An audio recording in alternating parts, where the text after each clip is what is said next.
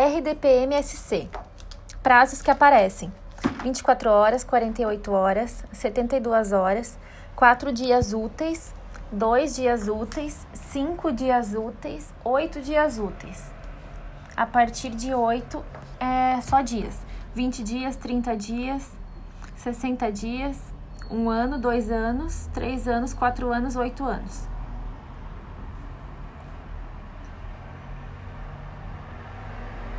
Hierarquia, ordenação em níveis, disciplina, rigorosa observância. O RDP-MSC ele fala em bombeiros e policiais militares. O estatuto não fala em bombeiros, o RDPM já traz o termo bombeiros.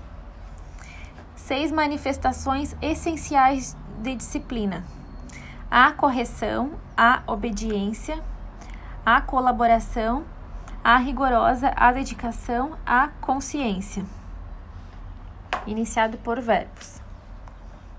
Estão sujeitos ao RDPM policiais da ativa e natividade, capelães e alunos, ou seja, todos os policiais. Competência para aplicar o RDPM é conferida ao cargo e não ao grau hierárquico.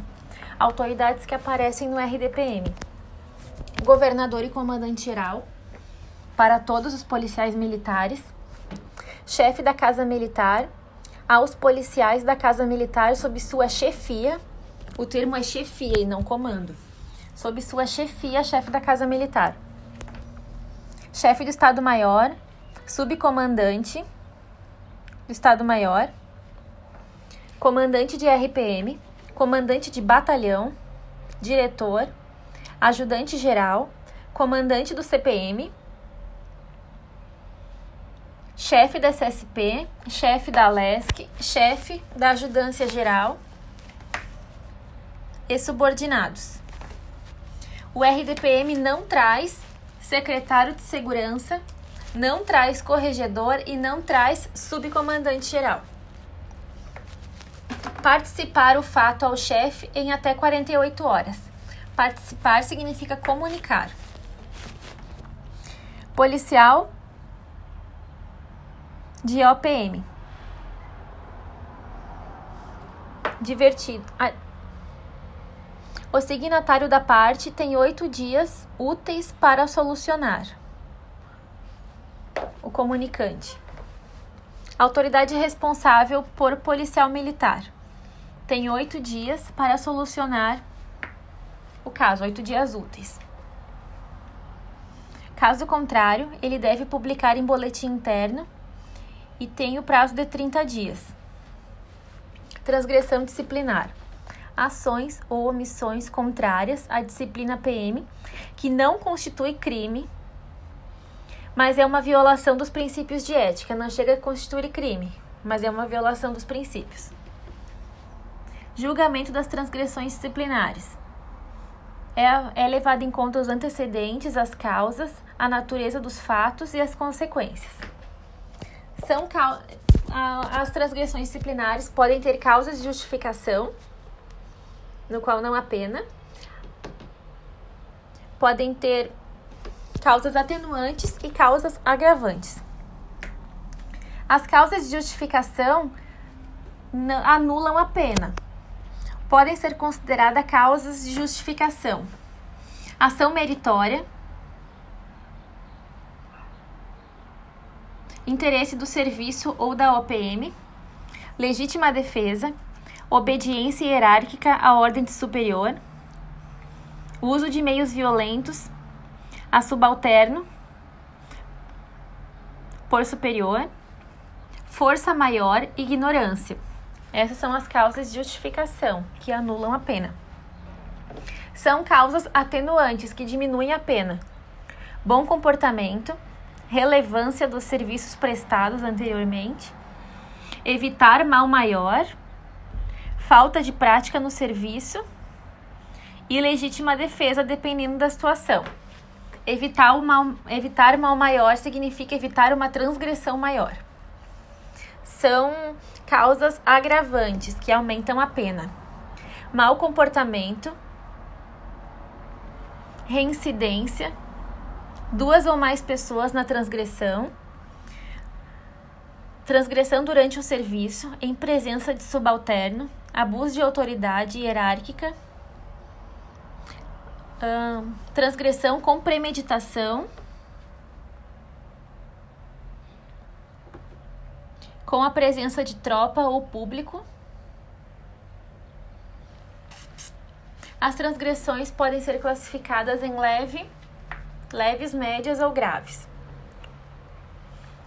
Tipos de, tipos de pena. Advertência.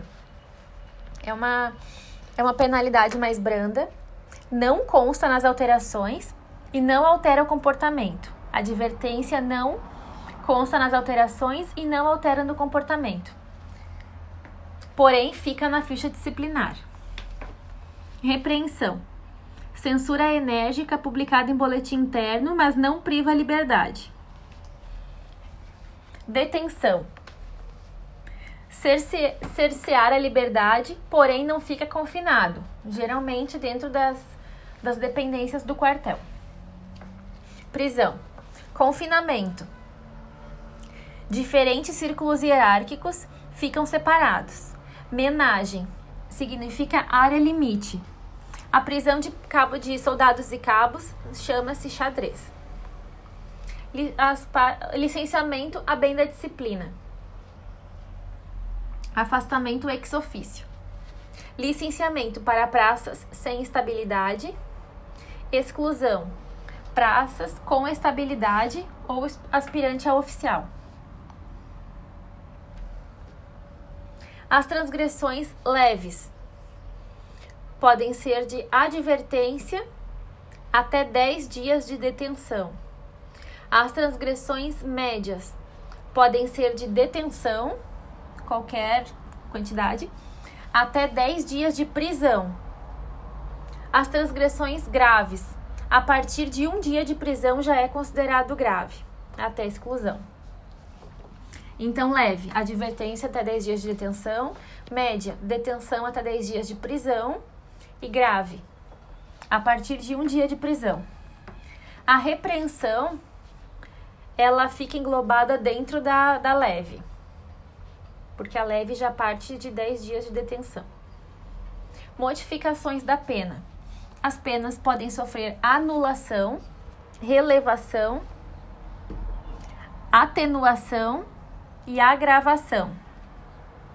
A qualquer tempo, o governador ou comandante geral podem modificar as penas. As demais autoridades têm 60 dias para modificar essa pena. Então, modificações de pena: anulação, relevação, atenuação, agravação. Então, é 3AR: anulação, relevação, atenuação e agravação. Comportamento dos praças. Lembrando que oficiais não têm comportamento, somente os praças. O comportamento dos praças pode ser observado no quadro EOBIM. Coloca em forma vertical EOBIM de cima para baixo. EOBIM 84211. 1D, 2P, 2P, 2P mais. Repetindo. EOBIM 84211. 1D, 2P, 2P, 2P mais equivalência das penas. Duas repreensões equivalem a uma detenção. Quatro repreensões equivale a uma prisão. Consequentemente, duas detenções equivale a uma prisão. As advertências não, não aparecem porque elas não mudam o comportamento. Em relação a recursos, recursos do RDPM. O RDPM traz pedido de reconsideração, de ato. Já o estatuto não traz de ato, apenas pedido de reconsideração. O RDPM traz pedido de reconsideração de ato, queixa e representação. Não houve alteração dos dias no RDPM, somente no estatuto. Cancelamento da punição é diferente de anulação da punição. Qual é a diferença?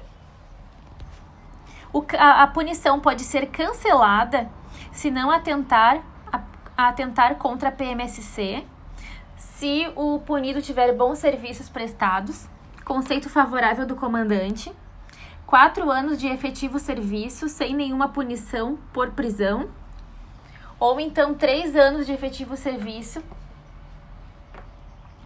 para detenção e dois anos de efetivo serviço para repreensão. Então, o quadro de cancelamento de penas é 4P, 3D, 2R. 4P, 3D, 2R. Quatro anos sem prisão, três anos sem detenção e dois anos sem repreensão.